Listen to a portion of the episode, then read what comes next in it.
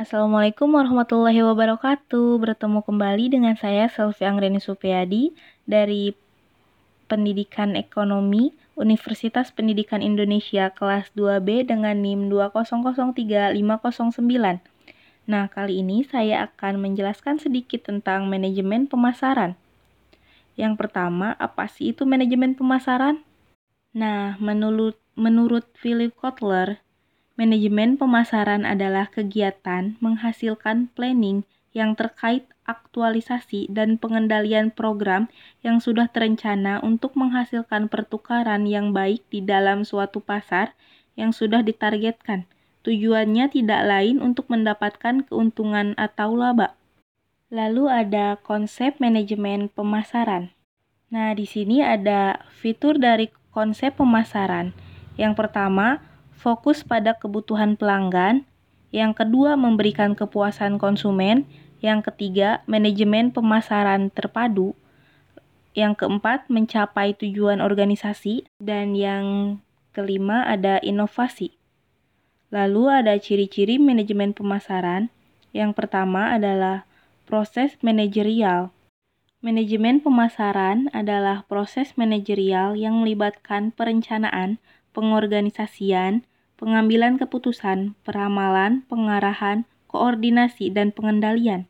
Yang kedua ada pelanggan atau sentris. Semua kegiatan pemasaran tujuannya adalah konsumen. Konsumen adalah raja. Kegiatan pemasaran didasarkan pada jenis membuat apa yang diinginkan pasar. Tujuan utama pemasaran adalah untuk menciptakan pelanggan baru dan mempertahankan pelanggan saat ini. Yang ketiga, analisis penelitian. Fungsi dasar pemasaran adalah identifikasi kebutuhan dan keinginan konsumen.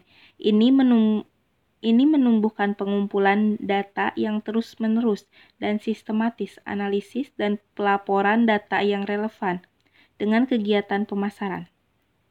Yang keempat, perencanaan dan pengembangan. Pemasaran melibatkan perencanaan dan pengembangan barang dan jasa. Yang kelima ada membangun kerangka pemasaran. Kegiatan pemasaran tidak hanya menjual dan mendistribusikan kepemilikan barang dan jasa dari produsen ke konsumen akhir, tapi itu melibatkan serangkaian kegiatan seperti analisis penelitian, produksi, pengembangan, dan inovasi, keputusan penetapan harga iklan dan promosi, penjualan dan distribusi, hubungan pelanggan, dan layanan purna jual. Yang keenam, tujuan organisasi. Yang ketujuh ada proses promosi dan komunikasi. Dan yang kedelapan ada pengendalian kegiatan. Nah, yang dibahas di sini di sini juga ada ruang lingkup manajemen pemasaran.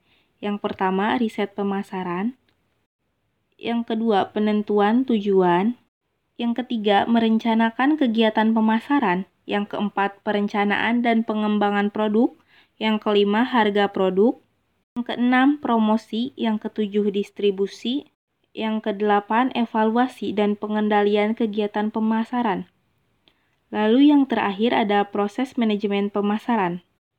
Dari proses manajemen pemasaran ini, yang pertama ada proses pemasaran manajerial dimulai dengan penentuan misi dan tujuan seluruh perusahaan dan kemudian menentukan tujuan pemasaran yang ingin dicapai. Yang kedua, mengevaluasi kapabilitas perusahaan berdasarkan kekuatan dan kelemahan. Yang ketiga, menentukan peluang pemasaran yang harus dikapitalisasi. Yang keempat, merencanakan strategi pemasaran. Yang kelima, rencana atau program aksi pemasaran harus dilakukan melalui komunikasi yang tepat, koordinasi, serta motivasi dari tenaga pemasaran.